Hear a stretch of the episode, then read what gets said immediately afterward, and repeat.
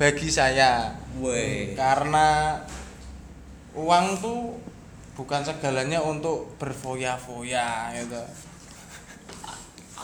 ya seperti itu pak lah Oh gitu, wah hebat nih ya. Berarti cara berpikirnya Mas Andang Trisna ini jauh eh, ke depan. Istilahnya masih muda tapi sudah berpikir secara dewasa. Hebat sekali ya. Berarti selama ini bisa belajar, bisa bekerja itu didedikasikan berarti untuk orang tua atau keluarga gitu ya kurang lebih Ya. ya Mas Andang ya.